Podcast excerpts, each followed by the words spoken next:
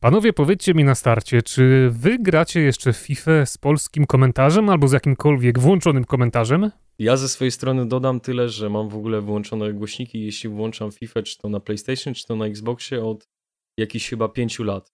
Także nawet nie, nie, nie doświadczyłem tego nowego komentarza e, pana Jackowskiego w 100%. Także jak to podsumuję, to, to nie. To nie. A ty Krzysztofie? Ja natomiast komentarz pana Laskowskiego znam, Natomiast ostatnio nie. Ostatnio raczej gram całkowicie bez dźwięku i muszę przyznać, że to jest dla mnie o wiele wygodniejsza forma odbierania treści, gdy nic za bardzo nie przeszkadza mi konsumować tego, co mam bieżąco na ekranie. Bo pan Laskowski pojawił się w FIFA 16, z tego co pamiętam? Tak, tak, jakoś tak. W tym mniej więcej w tych granicach. Tak, tak jest. jest. No nic, bo właśnie myślałem, że mnie poratujecie. Chciałem się dzisiaj przywitać z wami jakimś komentarzem z FIFA aktualnym. Tak jak zawsze komentatorzy rozpoczynają swój spektakl podczas każdego meczu, no ale skoro nie poratujecie mnie tekstem żadnym, to no może wyjadę po prostu jakimś klasykiem z FIFA 10. Z wypełnionego po brzegi studia Radia Free witają Państwa Domanu, Krzysztof Lenarczyk i Maciej Don, który nie chce się przedstawić. Nie, nie, ja w tej chwili sprawdzałem, kiedy dodali ten nowy komentarz, to jest FIFA 17 jednak, nie musiałem się upewnić. FIFA 17? Nie, nie, nie Jackowski, tylko Laskowski oczywiście. No Laskowski. To Jackowski to był chyba... Laskowski, ja powiedziałem, ja powiedziałem na początku ja, e, Jackowski. Jackowski, nie, to, jest to, jest chyba FIFA ten 17. słynny Jasnowic to jest, tak, Polski. Tak jest, tak, tak. Jest. No nic, także no trudno, weźmiemy to na klatę. Ja się pomyliłem co do tego, kiedy pojawił się nowy polski komentarz, a tutaj jeszcze widzę, że gdzieś były zawirowania co do nazwy jednego z komentatorów, ale no nic. Zostawiamy ten temat i przechodzimy do kolejnego odcinka, w którym poruszymy na start. Hmm, no cóż, działo się sporo. Ale tak na start myślę właśnie, że Najciekawsze, co przykuło moją uwagę w tym tygodniu, wydarzyło się we wtorek i była to dość poważna utrata połączenia z serwerami EA, a konkretnie, no jakby to delikatnie powiedzieć, serwery EA wywaliło chyba na całym świecie i to na nieco dłuższy czas, bowiem na początku gdzieś o godzinie 16 próbowałem wystawić sobie karty na WebApp, ale to się nie udało. Po kilku godzinach udało mi się zalogować w końcu do naszej gry, wszedłem w Ultimate Team i myślałem już, że zagram jakiś mecz, no ale pojawił się komunikat, że niestety obecnie matchmaking jest wyłączony i muszę poczekać. Więc skoro nie dało się grać online, pomyślałem, że może chociaż sobie jakieś zadanie tygodniowe zrobię w Squad Battles, więc wszedłem już w Squad Battles, żeby zagrać na bota, no ale tam, tam także pojawił się komunikat, że niestety nie można grać w ogóle w Ultimate Team i zostałem sam. Więc w tym momencie, po pięciu godzinach niemożności gry, pomyślałem, że no może sobie chociaż pohandluję, ale w tym momencie znowu utraciłem połączenie z serwerami EA, no i moja przygoda wtorkowa z grą FIFA 20 totalnie się skończyła. Nie wiem, czy później wieczorem, jeszcze gdzieś w okolicach 22, 23 te serwery były włączone, czy nie były już włączone, no ale w każdym razie FIFA 20 wy we wtorek chyba praktycznie nie żyła. Czy panowie także doświadczyli tego?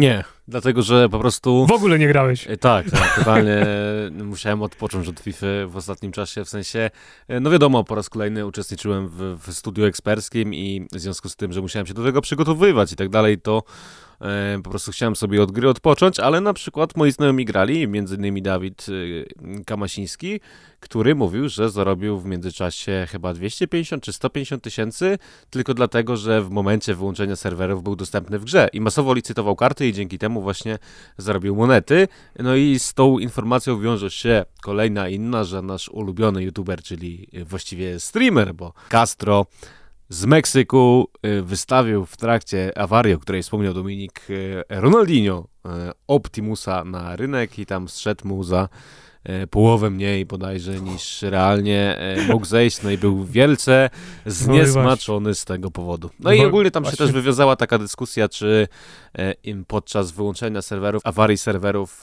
czas licytacji powinien stanąć i te karty nie powinny przechodzić z, z osoby do osoby, żeby po prostu potencjalne osoby inne nie były stratne. No i ja nie wiem, czy tak miałoby być, natomiast chyba byłoby to sensowniejsze rozwiązanie, bo dużo ludzi gdzieś tam wystawia karty po cenie minimalnej do ceny maksymalnej maksymalnej, licząc na to, że po prostu jakoś tam zejdzie.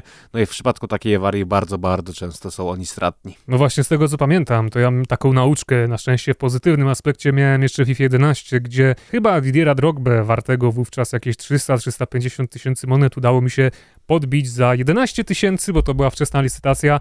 Następnie wywaliło serwery, no i właśnie za taką kwotę ostatecznie wylicytowałem Iworyjczyka, no bo jeżeli padły one na całym świecie, to nikt nie mógł mnie przebić. No ja tamtej pory także w wtorek miałem taką myśl, żeby może gdzieś tam przy okazji pokątnie sobie zarobić takim podbijaniem, no ale niestety ja nie miałem takiego szczęścia jak Dawid, mi się nie udało już wejść do gry, a ty Maciek jak się bawiłeś w ten wtorek? Nie, to w ogóle nie ruszyło. Myślę, że nie ma co drążyć tematu. Po prostu dzień jak co dzień.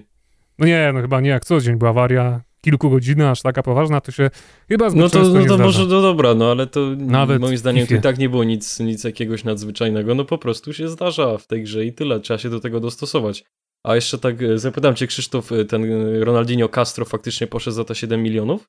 Y, Ponoć tak, natomiast no, nie, ja nie, nie jestem w stanie tego potwierdzić w 100%. Ja tylko sytuację znam z social mediów, gdzie ten temat gdzieś tam się pojawiał, ale nie, nie weryfikowałem tego, bo no, po prostu mnie to nie interesowało. Strata jak strata, po prostu kilka milionów mniej. Myślę, że ta strata też na osobie, która otwiera czasami paczki za 3 miliony FIFA pońców dziennie, nie powinna w żaden sposób robić wrażenia. Na pewno on to mniej odczuł niż my moglibyśmy odczuć y, w obecnej sytuacji, ale właśnie poruszyłem ten temat na wstępie, żeby finalnie przytoczyć myśl, którą Krzysztof już poruszył. No właśnie, że chyba powinny się jakoś y, stopować te licytacje, jeżeli występuje taka globalna awaria, bo jednak ludzie zbyt dużo po- potrafią na tym stracić, no a inni także przez przypadek zyskują. W każdym razie kończymy już ten temat i przechodzimy do kolejnej myśli, którą jest fakt, że FIFA 20 została najbardziej szkodzącą środowisku grą w całym 2019 roku. I nie chodzi tutaj o to, że jest to gra toksyczna i ona źle wpływa na psychikę, bo nie będziemy rozmawiać o tym aspekcie, że poprzez grę FIFA ludzie stają się bardziej agresywni tak itd., itd., tylko stało się tak mm, właśnie na podstawie danych zebranych przez inicjatywę Console Carbon Footprint i ma ścisły związek z produkcją pudełkowych wersji danego tytułu, które przekładają się na ślad węglowy. Nasza ukochana gra przyczyniła się przez ten czas do emisji ponad 2 ton dwutlenku węgla. No i to jest właśnie taka sytuacja. Z jednej strony myślę, że nie jeden gość, który lubi sobie wbić szpilkę w EA, no teraz jest niezwykle ucieszony, że można coś złego po raz kolejny powiedzieć e, o tym produkcie, jakim jest FIFA, no ale z drugiej strony, jeżeli my wiemy od dawna, że FIFA jest najczęściej, najchętniej kupowanym obecnie produktem pudełkowym, no to chyba raczej logiczne było, że także przyczynia się to do toksyczności powietrza. No to jest po prostu taki news pozytywno-negatywny, no bo No jeżeli sprzedaje się No duża ilość kopii, no to siłą rzeczy musi być wysoka produkcja tej gry, musi być transport i tak dalej, bo podejrzewam, że o to w tym śledzie węglowym chodzi, bo nigdy nie zagłębiałem się, jak to wszystko działa, no ale podejrzewam, że to cała e, produkcja dwutlenku węgla od procesu produkcji do procesu transportu, czy nawet samej sprzedaży jest gdzieś tam w jakiś sposób wyliczana, no i to tylko świadczy o sukcesie samej gry. A jakbyśmy mieli się przejmować tak w 100% tym, co produkuje wysoką zawartość różnych szkodliwych dla środowiska gazów i tak dalej, to przede wszystkim musielibyśmy zacząć od produkcji samego mięsa, bo przetwornictwo mięsne naprawdę w konsekwencji bardzo środowisku szkodzi, a jakoś ja przynajmniej nie, nie wychodzę z założenia, że z tego powodu sobie nie zjem tam kotlecika. No, obiad skąd? No następnego broń dnia. Boże. Ja dzisiaj zjadłem dwie nóżki kurczaka i dużo mięska mielonego. Jestem z tego powodu bardzo szczęśliwy, jak słychać po moim głosie. Więc zostawiamy ten temat i lecimy dalej. Tutaj chyba Maciek będzie mógł się szerzej wypowiedzieć, bo ja także nie zagłębiałem się w temat, skąd wzięła się drużyna zimowych y, odświeżeń, gdzie pojawił się chociażby Eriksen albo Ibrahimowicz y, w AC Milanie, który ma statystyki jak za starych dobrych czasów, 88 tempa, 90 91 strzałów i tak dalej, i tak dalej. Więc y, Macieju, może powiesz nam, jaka jest inicjatywa tego zespołu? Nie wiem i powiem więcej, że chyba VA też nie wiedzą, co to miało do końca mieć na celu. Chyba wzięli jakieś koło fortuny, zaczęli obracać i wypadło im, wyszło na to, że dodadzą na kartę u góry śnieżynkę, wybiorą losowych graczy, bo to też nie jest, nie jest jakiś, jakiś stały schemat, jeśli popatrzymy na te karty. No właśnie, no bo Ibrahimowicz się pojawił y, w Milanie, to można jeszcze wziąć jako taki flashback, no ale obok jest Fernandez ma Manchesterze, który tak dopiero jest. się pojawił w tym klubie, no i co to ma znaczyć, no? No ja na początku myślałem, że to będzie jakiś, e, jakieś zastępstwo dla kart Once to Watch, ale okazuje się, że w kodzie gry są dodane zimowe karty Once to Watch, które zapewne ujrzymy jutro. No ale otóż nie, no i tak jak mówię, nie ma żadnego kompletnie schematu, który ł- łączy te wszystkie karty i one są naprawdę, no nie wiem, nie, nie mam pojęcia, co mam o tym powiedzieć, bo to jest jedna z tych drużyn i chyba pierwsza taka w historii Ultimate Team wydana na podstawie niczego. Y, mówię o tych kartach, które trafiają się w paczkach, bo wcześniej rok temu mieliśmy chociażby słapy, tak? E, tam też można było powiedzieć, że, że karty, które zostały wybrane, nie były na podstawie danych meczów zawodników, ale teraz, no to, to te karty teraz trafiły do paczek i kompletnie nie wiem, co mam powiedzieć. To jest kompletnie drużyna z przysłowiowej, dupy. Mocne słowa tutaj. Mocne słowa, no ale pięknie, dobitnie no, powiedziane. Ale co, no ale co tu chcieliście powiedzieć? Nie, no, no, po prostu, nie ma, nie można było jakoś, znaczy, ja, jakoś ja rozumiem no. frustrację i, nie, i nie tak dalej. delikatnie. Czemu delikatnie? No. Można było chociaż powiedzieć, że czapy. to jest drużyna właśnie, no, od czapy, albo coś albo, takiego. No, okay. Kompletnie. No Okej, okay, to niech będzie od czapy, to przepraszam. Tak jest, więc to jest ale drużyna ja, od czapy. Ja... Wszystko się wyjaśniło. Może przejdźmy do kolejnego znaczy, tematu. Ja tylko chciałem się odnieść tam dwoma zdaniami, że e określiło, że ta drużyna ma wypełniać luki w mm, na brakujących pozycjach? Na brakujących pozycjach w danych ligach. No i na przykład Bernat z ligi francuskiej to jest bardzo dobra karta, jeżeli gdzieś tam traktujemy to w w, w tej materii, tak? Kart, które, które właśnie mają wypełniać te luki, ale no w przypadku innych tych konkretnych zawodników, którzy tam się pojawili, to już tego w ten sposób nie może tak obronić, bo czego y, Sherdan Shakiri z Liverpoolu otrzymał takie odświeżenie w, to jest setna, setny prawo skrzydłowy z Premier League. No właśnie, no, do, no nie wiem, no do każdej karty jesteś w stanie znaleźć jakiś argument, że ona wcale nie wypełnia żadnej luki. No może nie do wszystkich, ale do większości. Taki Nathan e, Ake chyba, czy tak, lub Ake, Ake. Tak. z, z, z Bournemouth, e, no to... To tyle, że go z Van Dijkiem połączy, żeby mieli no, mocnego no, linka, ale... I jeszcze tak, Van, tak. Van Aanholt na lewą stronę ewentualnie. Ciężko po prostu y, tym kluczem gdzieś y, tłumaczyć te wszystkie karty, no i wydaje mi się, że to po prostu to jest y, element, o którym gdzieś tam kiedyś rozmawialiśmy, że to jest y, ten non-stop content dosłownie i w przenośni, że brakowało gdzieś tam czegoś w grze, no to wjechały drużyny ze śnieżynką, no i tyle, no i finał. Czyli możemy się spodziewać jeszcze w przyszłości również wydanych drużyn od, od czapy. Może w końcu się doczekać swojego że, ulubionego dnia. Tak, że w końcu że... będziemy mieć. No nic, no dobrze. W każdym razie, lecimy dalej. Tym razem do kolejnej drużyny i są to zimowe odświeżenia, ale tym razem, jeżeli chodzi właśnie o upgrade'y. Mamy tylko 50 nowych kart w Ultimate Team, wśród nich piłkarze tacy oczywiście jak Werner, Wardi czy na przykład NDD, ale co najbardziej przykuło moją uwagę wśród tych wszystkich od, odświeżeń, to Zakaria, który domyślnie miał 81 oceny ogólnej, przepraszam, domyślnie miał 78 oceny ogólnej, teraz po upgrade'zie ma 81 overalla, a jeżeli chodzi o jego podania, no to na tej upgrade'owanej wersji ocenione są one tylko na 74, podczas gdy na podstawowej karcie notowane były na 75, więc cała karta została jakby upgrade'owana do góry, ale podania zostały ocenione niżej. I jest to pierwszy taki przypadek w historii Ultimate Team ogólnie, żeby zawodnik na upgrade'zie miał jednak jakąś statystykę ocenioną niżej. A Baraklaw a nie, Baraklaw, przepraszam, to, Baraklaw to był miał. Dobra, dobra, nie było to... tematu, dobra, nie było tematu. Tego nie dobra. rozpatrujemy w normalnych kategoriach. Rozumiem, że Maciek się sam skasował na, na wstępie, tak. jeżeli chodzi o argumenty. Okay. Natomiast y, mnie nie dziwi może mm, sam upgrade Zakari, bo już takie rzeczy się w tych FIFAch różnych działy, że, że po prostu może się było tego gdzieś tam spodziewać, nawet na przykład to, że Laurent Blanc, który ma kartę w wersji Baby na pozycji środkowego pomocnika ofensywnego, następnie ma e, karty mm, na pozycji środkowego obrońcy, czyli mniej więcej tak jak w rzeczywistości, tylko problem jest inny. Problem jest taki, że tak jakby gra sugeruje, że on przez te lata, dosłownie kilka lat zapomniał jak się zapomniał, podaje. jak się podaje i zapomniał jak się strzela, co chyba mhm. jest y, dziwne w konsekwencji karty, która czy zawodnika, który w grze uznawany jest za ikonę i zresztą w przyszłości był uznawany za jednego z najlepszych obrońców e, świata. No i zresztą nie tylko obrońców.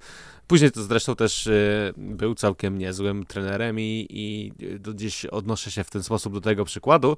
Natomiast dziwi mnie mm, to, jak same upgrade'y zostały wykonane w tym roku, bo tylko 50 kart, gdzie we, we wszystkich poprzednich latach e, było tych kart dużo, dużo więcej, dużo fajnych jakichś upgrade'ów, które później przydawały się do składów. No i teraz zastanawiałem się przez chwilę, czy to nie, nie wynika z tego, że Kanadyjczycy mają podgląd trochę w pewne rzeczy, jeżeli chodzi o grę i na przykład są świadomi, że ludzie zainwestowali jakąś tam konkretną kartę, która ma, ma, ma dostać upgrade, no i żeby na rynku nie pojawiło się duża ilość monet, którą później ciężko będzie gdzieś tam e, od, odessać, że tak powiem kolokwialnie z rynku, to zrobili tak, żeby e, upgrade'y były mm, jak najbardziej zasłużone i zauważone, a te mniejsze, na które zawodnicy również zasłużyli, raczej zostały bez zmian. Czyli taki Robert Lewandowski ma dalej ocenę ogólną 89 w samej grze. No tak, bo żaden taki czołowy zawodnik, który miał do tej pory kartę ocenioną na poziomie nawet ikony wersji Baby, chyba nie dostał upgrade'u. Tam na szczycie są teraz Werner 86, Wardi. Największy overall, który dostał upgrade, w sensie bazowy, to chyba jest Werner i on wynosi 83. No właśnie, a już jeżeli chodzi o tych lepiej ocenionych, to nic się nie ruszyło, a jak wiemy, na singlu sporo było takich piłkarzy, bo chociażby Robert Lewandowski od dawna w Bayern nie śmiga już z oceną ogólną wynoszącą 90. No ale ja się spodziewam, że Krzysztof może mieć rację w tym przypadku, że no to to akurat to jest pewne, że jej ma pogląd, podgląd y, na te wszystkie sprawy rynkowe i widzi jak tam jest jak tam się to wszystko układa, natomiast no czy faktycznie... Ale też y, po prostu, żebyśmy nie pomyśleli, że ja to postrzegam jakoś bardzo negatywnie, bo to jest też trochę reakcja na E, bo im więcej monet tak naprawdę na rynku, tym większa inflacja w samej grze, co też pokazuje na przykład karta Erliga Halanda mi się wydaje i, i jakieś tam inne karty, więc e, jeżeli nie chcemy dopuścić do sytuacji z FIFA 15 gdzieś tam w przyszłości, E, gdzie e, Cristiano Ronaldo to tylko kosztował 15 milionów, to no. trzeba gdzieś te końcy e, w pewien sposób z tego rynku odsysać i to jest jeden z tych elementów, który postrzegam pozytywno, negatywnie i to jest kolejny raz, kiedy gdzieś to stwierdzenie pada podczas dzisiejszego odcinka. No ale to były czasy. A ja dzisiaj nie, no mów, mów, mów, no bo ja już, y, Krzysztof mnie pobudził z tym Ronaldo i sobie Dobra. przypomniałem, nie, nie, ja jak miałem 15 milionów na koncie i 3 godziny musiałem snajpić na kartę Totti Ronaldo za 15 milionów, bo jego nie było na rynku. No, ja tak samo właśnie miałem. No to, i... to, nie, to nie było zbyt przyjemne. I, i właśnie dlatego, dlatego mówię, można by tutaj godzinami się negatywnie o tym wypowiadać, tylko trzeba się głębiej zastanowić. Zresztą też między mną a jednym z użytkowników Twittera wywiązała się dyskusja na ten temat i on też raczej właśnie był po tej stronie barykady, która broniła Kanadyjczyków, co w, po głębszym zastanowieniu się w przygotowaniu do tego odcinka przeważyło te szale i, i również mam te zdanie, no ale tutaj Maciek się już denerwuje i mówi, że chce bronić, Zdycham, więc, tak. więc oddaję Nie, nie, ja chcę głos. się właśnie pozytywnie wypowiedzieć o tym systemie przyznawania upgrade'ów. Dzisiaj będę bronić jej, bo faktycznie chyba przesadziłem z tym powyższym składem od czapy. E, ale nie, mi się, mi się na przykład podoba ten system 50 upgrade'ów po przemyśleniu sp sprawy i to głównie z tego względu, że jak spojrzymy sobie chociażby rok temu, jak, jakie znikome upgrade'y dostawały poszczególne karty, że na karcie napastnika e, wzrastała obrona albo jakieś kompletnie inne nieznaczące atrybuty, to myślę, że to jest też spoko pomysł, bo tutaj rozchodzi się chyba głównie o to, że e, ktoś się właśnie pomylił z inwestycją, jeśli chodzi o te lepsze karty, jak w przypadku Lewandowskiego i tak dalej, ale no i jeśli nawet spojrzymy sobie teraz na Wernera i na jak wygląda jego headliner zupgrade'owany, to tam też nie ma szału. Tam te główne jego statystyki nie są jakoś strasznie nabustowane, wręcz bym powiedział, że nie będzie żadnej różnicy, jeśli chodzi o rozgrywkę, więc dla mnie może być, mi to kompletnie nie przeszkadza. No a też trzeba jeszcze mieć na uwadze, że inflacja inflacją, co by się nie działo, to i jej przez sam fakt, jak działa ta gra, przez to ile oni wydają kart, no, ma to wszystko pod taką kontrolą, że stopniowo i tak te ceny po prostu lecą w dół i oni, oni kontrolują ten rynek taczowak. Ale warto jeszcze zaznaczyć, że kolejny rok z rzędu e, zapomnieli zmienić widełki kartą. Tak na przykład. A, to to jest już nagminne. Dwóch, no tak, ale dwóch złotych zawodników z Sheffield, którzy się świecą, możemy kupić za 350 monet. E, no ale nie powinno tak być. No to się powinno zmienić jak najszybciej. Tak samo Werner miał widełki do 10 tysięcy. Tak samo inne karty specjalne, które się podniosły, no to któryś rok z rzędu już by mogli sobie gdzieś zapisać w jakimś notatniku, że to wypada jednak zmienić. Ja ostatnio motym Mac Saint Maximin musiałem snajpić za 100 tysięcy, który przecież już od dawna jest w grze, a jej dawno nie pojęło, że 100 tysięcy to jest za mało jak na tę kartę i jego było dość trudno znaleźć. Dopiero teraz może tam jego cena spadła, ale jakoś często się tymi widełkami nie interesuje i po prostu czasem na niektórych zawodników trzeba polować. A co Maczku powiesz o kartach, które zostały dodane do gry? Na przykład Ansu Fati się pojawił w końcu w grze. Krążyły nie, plotki, nieprawda, nie pojawił się. Ale miał się pojawić. Ale się właśnie się nie pojawił. Wiem, że pojawił się na pewno Arda o, Turan. Arda Turan się na pewno pojawił, bo... Bo widziałem e, zdjęcie nawet na... Na grupie, dokładnie. A jeśli chodzi o Ansu Fatiego, to też właśnie sobie jakoś tak ostrzyłem zęby. Chciałem zobaczyć, jak ta karta będzie wyglądać i przede wszystkim ile będzie kosztować. Ile ludzie będą w stanie, stanie za nią zapłacić, ale no...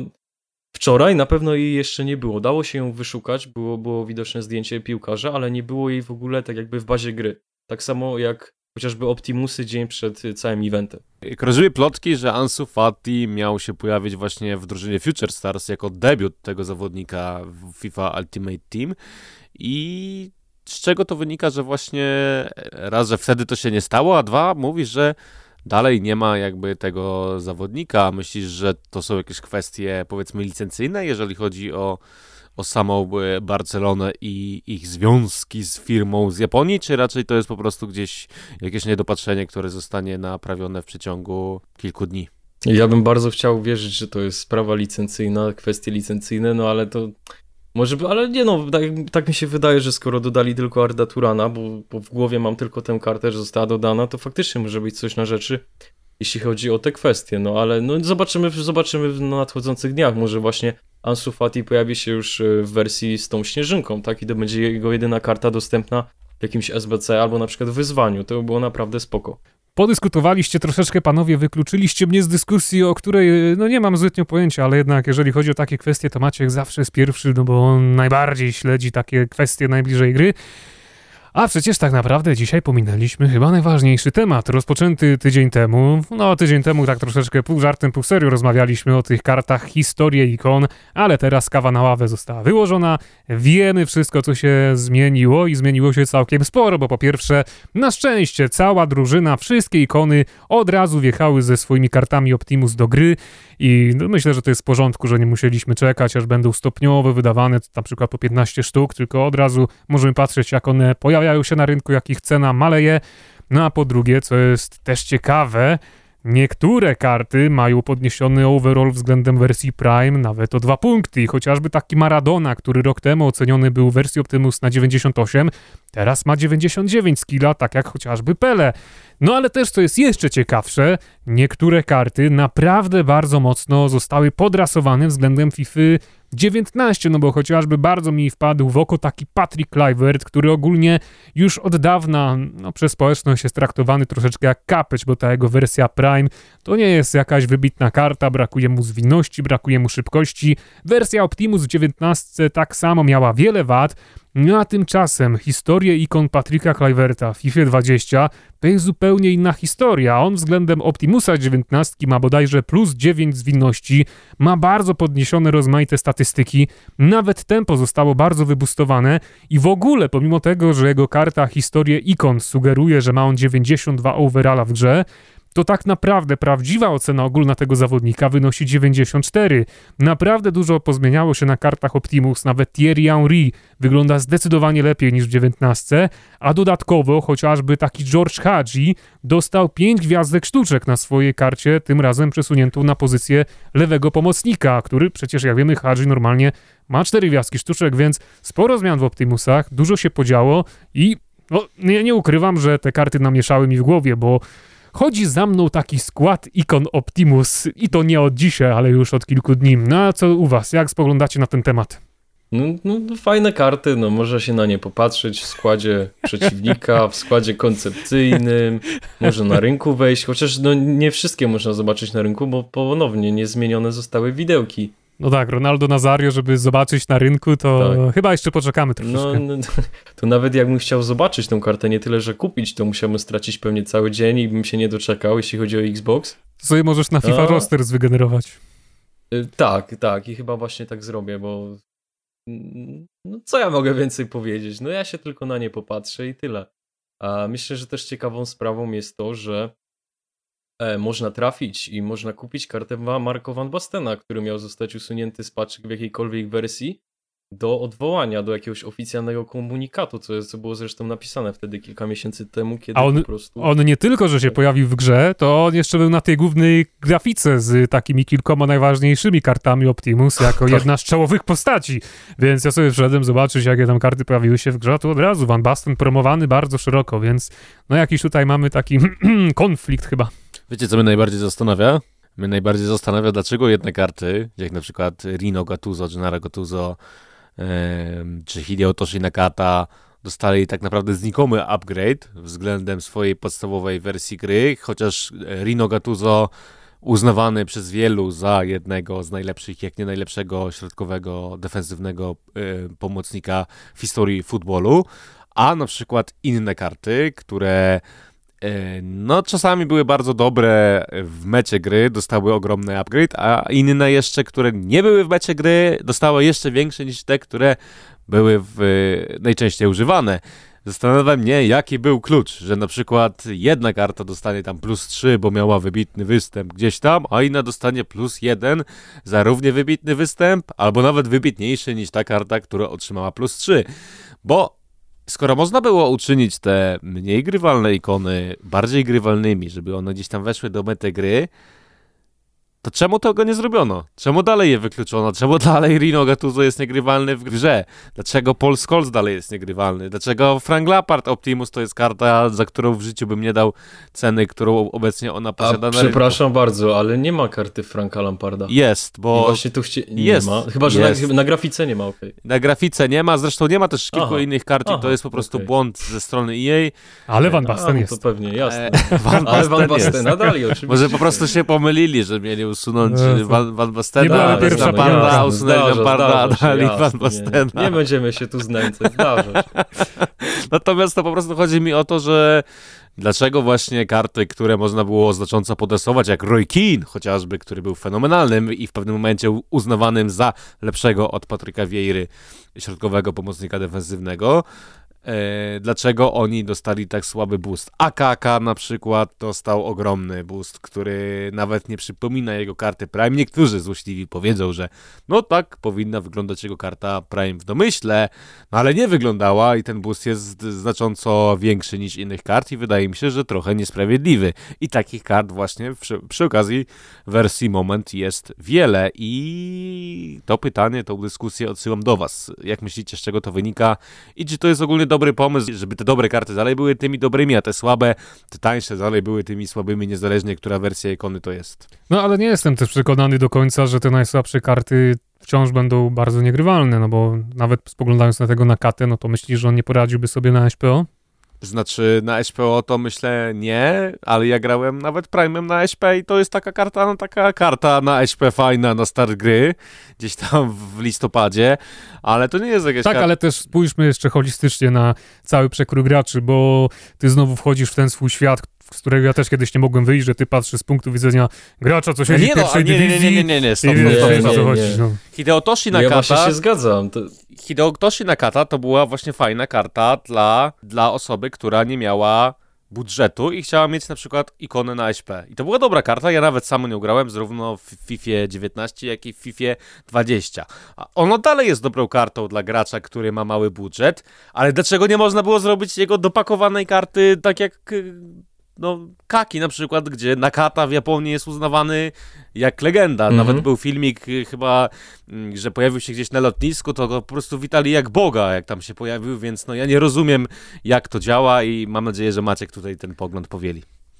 Nie no, ja się 100% zgadzam z tobą, bo po co robić e, ze świetnych kart jeszcze lepsze, skoro można podrasować te gorsze i sprawić, że będzie jakaś większa różnorodność. Na przykład e, jak ktoś lubi, e, nie wiem, Henrika Larsona, tak, ale jego karta Prime to nie jest, to nie jest, nie jest karta najwyższych lotów, to można było podrasować właśnie Szweda, żeby on był na przykład lepszy od tych, no nie wiem, żeby chociaż mógł konkurować e, z Nazario albo z Eusebio, a tak to, no to kurczę, no to to się trochę mija z celem, no. Moim zdaniem właśnie powinno być na odwrót, żeby te najlepsze karty zafundować im ewentualnie jakąś zmianę pozycji może ciekawszą, że na przykład Gulit będzie skrzydłowym, A jeśli chodzi o te gorsze typu Nakata, Lineker, Mur nawet, świetny piłkarz, tak? Można by z niego zrobić spokojnie jakąś kartę w mecie, która obok Maldiniego by stała. No ale niestety, no znowu ktoś nie pomyślał, znowu ktoś zabił potencjał. Bo po prostu na 100% jestem w stanie po prostu postawić na to wszystkie pieniądze. Znalazłby się moment każdej, w karierze każdego z tych piłkarzy, który ma ikonę, za, za który oni by mogli dostać jakąś wybitną kartę, która by była, no może trochę droższa niż ta, która jest obecna na rynku, ale zdecydowanie wpisałaby się w metę gry. A tak to dalej, Eusebio, Nazario, Zidane i w kółko to samo. A widziałeś za co swojego Optimusa, jaki ma moment wpisany w Optimusie Raul? Nie, nie pamiętam, nie pamiętam. No to są za, no jakiś okres w szalkę, no ale no kurczę, no to, to, to jednak nie był jego najlepszy okres w szalkę, można było tutaj zrobić dużo więcej. A to też jest o tyle ciekawe, że to jest e, ikona Realu Madryt, czyli klubu, który Dokładnie. z Electronic Arts ma współpracę. No tak, ktoś jest kibicem Realu Madryt, tak, nie wiem, ma tam koszulki Raula, kocha Raula i on kupuje jego Optimusa, zbiera na tego Optimusa miesiąc i dowiaduje się z jego profilu, że to jest karta przyznana za mecz w koszulce Szalkę. Nie no dobra, spoko, no ale... No nie, nie no, ukrywam, no, że troszeczkę mnie tak, zaskoczyliście Może teraz. się czepiamy, no okej, okay, ale no... Można było to 100 razy lepiej przeprowadzić.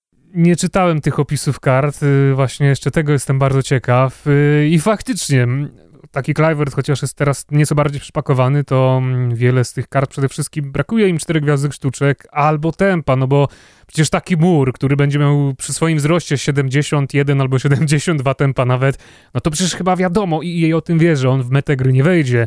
I właśnie te karty Optimus, gdyby taki yy, mur albo Dostał zamiast tych 74 nawet 82 tempa albo 80. No, już, to, by no to ja już bym tak, nie biegał w środku dokładnie. pola, bo z tymi statystykami to by był gość, tak samo Gattuso i tak dalej, i tak dalej. Tak no. wyjdzie jakaś, jakiś toc gościa, który zagrał jeden dobry sezon w życiu i będzie lepszy I będzie lepszy. Prime Moment. Jest z ekstraklasy który... cała drużyna.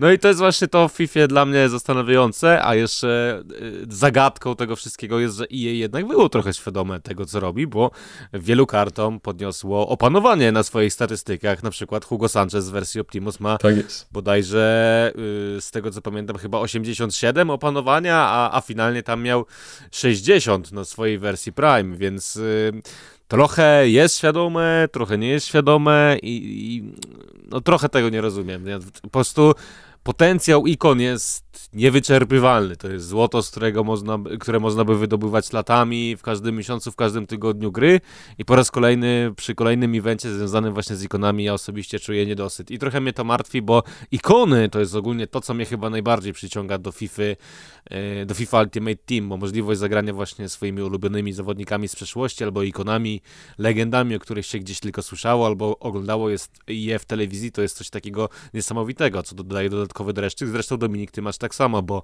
to jest już od lat. budujesz no, właśnie drużynę związaną, zbudowaną tylko z ikon. Jak wyszedł teraz skład Historia Ikon, znaczy cała ta drużyna, to ja już zacząłem kalkulować, jak ja zakończę, jakim składem zakończę przygodę z 20, bo no już to jest taki początek, żeby się tym zająć i no i faktycznie, niestety zgadzam się z tym, co wy tutaj mówicie, ale jednocześnie chyba... Zgadzasz się i nie zgadzasz. Chyba troszeczkę po prostu przeginacie, że taki Larson dalej będzie jakiś plackowaty, albo że chociażby Crespo No też, nie będzie, albo, ale mógłby być albo lepszy. Ian Rice. Wy, no, mógłby być lepszy, ale wydaje mi się, że no to jednak będą takie, takie już karty, że do końca gry sobie poradzą, a przede wszystkim czego im brakuje, to no tych czterech y, gwiazdek sztuczek, no bo gdyby Larson miał cztery gwiazdki sztuczek, gdyby Ian Rice mieli cztery, no to na pewno fajniej by się grało, byłby większy potencjał, a też no nie wiem, no nie, nie ukrywam, że nie oglądałem y, wszystkich y, wyczynów Larsona i Wrighta i nie wiem, czy oni faktycznie zasługują na, na te cztery gwiazdki. Tak samo nawet nie sprawdzałem, za co oni dostali te swoje karty, historie ikon i nie jestem w stanie ocenić, jak oni sobie radzili właśnie w tym konkretnym momencie, no ale no cóż, Myślę, że ostatecznie będzie trzeba ocenić e, te, teże karty Optimus w momencie, kiedy sami je troszeczkę potestujemy i zobaczymy, jak oni faktycznie wpływają na grę. Warto było wejść do trybu draft, bo tam był taki glitch, gdzie dosłownie tymi ikonami Optimusami sypało, więc jeżeli ktoś miał ochotę sprawdzić chociażby daną ikonę... To nie był glitch, to nie to... był glitch. To nie był glitch. Rok nie, temu nie, o tej nie, porze nie. tak samo tam... Oj nie. Nawet ja komuś pamiętam, układałem drafta, no bo przecież bym nie zagrał i chyba też było 9 ikon i to takich lepszych, Znaczy, więc... po prostu chodzi mi o to, że jeżeli ktoś miał ochotę sobie wypróbować, Potestować kartę, się. to mógł to zrobić. A ileś ja dostałem wiadomości, że Dominiku, jeżeli chcesz sobie przetestować Zidana, Optimus albo Ronaldo, albo coś, to draft Ale już czeka. Także, ale w drafcie, ale w sumie jakbym tak zebrał 8 kont z draftami takiego Ronaldo Nazario, to myślę, żebym go dobrze przetestował. To ja mam super ciekawostkę jeśli, na sam koniec, jeśli chodzi o, o te Optimusy, a konkretnie Peter Schmeichel, którym możemy teraz, e, którego wersją Optimus możemy teraz wykonać Bolorola, ponieważ ma on dwie gwiazdki sztuczek i to jest pierwsza taka sytuacja, jeśli chodzi o bramkarzy w FIFA od FIFA 16, kiedy bramkarz MK Dons e, dostał czerwoną kartkę, a na jego miejsce wszedł napastnik tejże drużyny i po czym obronił rzut karny i dostał, został za to nagrodzony kartą w formie. No, takich przypadków było chyba więcej. No ale właśnie, w każdym razie, to jest ta sama myśl. Jeżeli Hadzi dostał upgrade sztuczek, jeżeli Schmeichel dostał upgrade sztuczek, to dlaczego?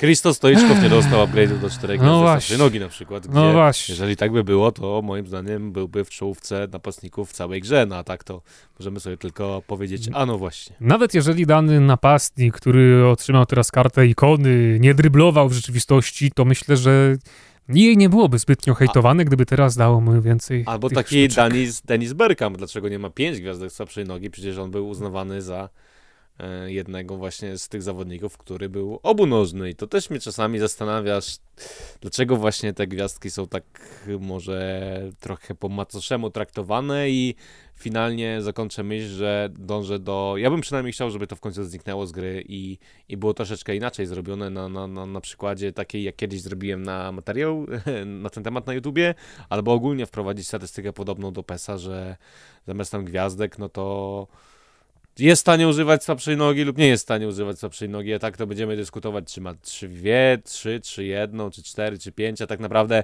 czy ma jeden, czy ma trzy, to na to samo wychodzi, bo, bo wtedy z tej słabszej tak nie strzeli. No tak, ale w PESie to jest właśnie fajnie rozwiązane, bo tam przynajmniej w PESie 6 był ten wskaźnik y, częstotliwość używania słabszej nogi Otóż od, od 1 do 8.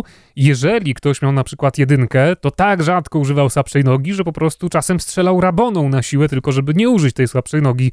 I wydaje się, że to było ciekawsze, ale w każdym razie, no póki co dalej nas to denerwuje, ale trzeba właśnie zwrócić uwagę, że jej powoli coś zaczyna zmieniać w tym temacie, bo nawet ten James, którego ostatnio robiliśmy, przyszła gwiazda w wyzwaniach y, sezonowych, no jego dwie pierwsze karty, które otrzymywaliśmy, miały bodajże trzy gwiazdki sztuczek, no a już ta najlepsza, chociażby oceniona na 86, ma cztery gwiazdki sztuczek, więc jej bardzo zaczyna ingerować także w, w tę słabszą nogę i, i, i w sztuczki.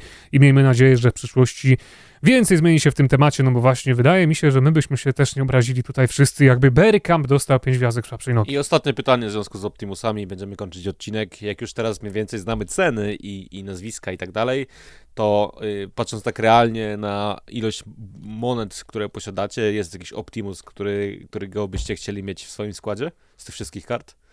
Poza Clivertem. Nie wiem ile kosztuje Drogba, bo mam takie marzenie, żeby w ogóle swój finalny, w swoim finalnym składzie mieć kartę Drogby jak najlepszą, jak tylko się da.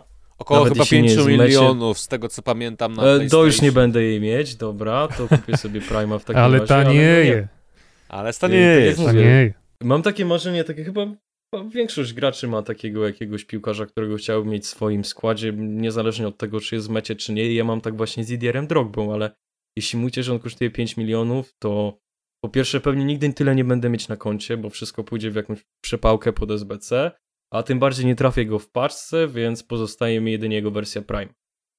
No ja jednak będę się trzymać tego Cliverta, ale po prostu chodzi o to, że tyle tych dobrych kart wytestowałem przez ostatnie lata, że no co będę trzeci rok grał z rzędu Ronaldo Nazario albo Hulite, no to ile można, no to wszystko się może znudzić, a Patrick Clivert to jest karta sentymentalna, to była jedna z pierwszych legend, no bo on się pojawił w FIFA 14, ja go miałem wtedy w składzie, Stoty Ronaldo, to był mój pierwszy taki bardzo wypasiony skład za grube, grube miliony, a później jeszcze była taka sytuacja, że na Twitterze EA wygrałem konkurs o kartę Cliverta, więc dostałem od EA niewymiennego Cliverta, a tego, którego miałem w składzie sprzedałem, więc no bardzo mi się powodziło i no też właśnie przede wszystkim przez to, że Clivert od, od kilku lat to już nie jest taki rzeźnik jak w 14 czy 15. Mam nadzieję, że ten jego Optimus będzie teraz wypasiony i ja bardzo chętnie wymienię Drogbę, yy, wymienię Ronaldo, Henriego czy, czy nawet Eusebio właśnie na rzecz yy, tak po prostu dla przyjemności. A ja was trochę zaskoczę i wybiorę zawodnika Gianfranco Zolla. To jest zawodnik, którego chciałbym wypróbować z dwóch powodów. Bardzo fajnie wygląda jego karta, co jest chyba oczywiste, a dwa, że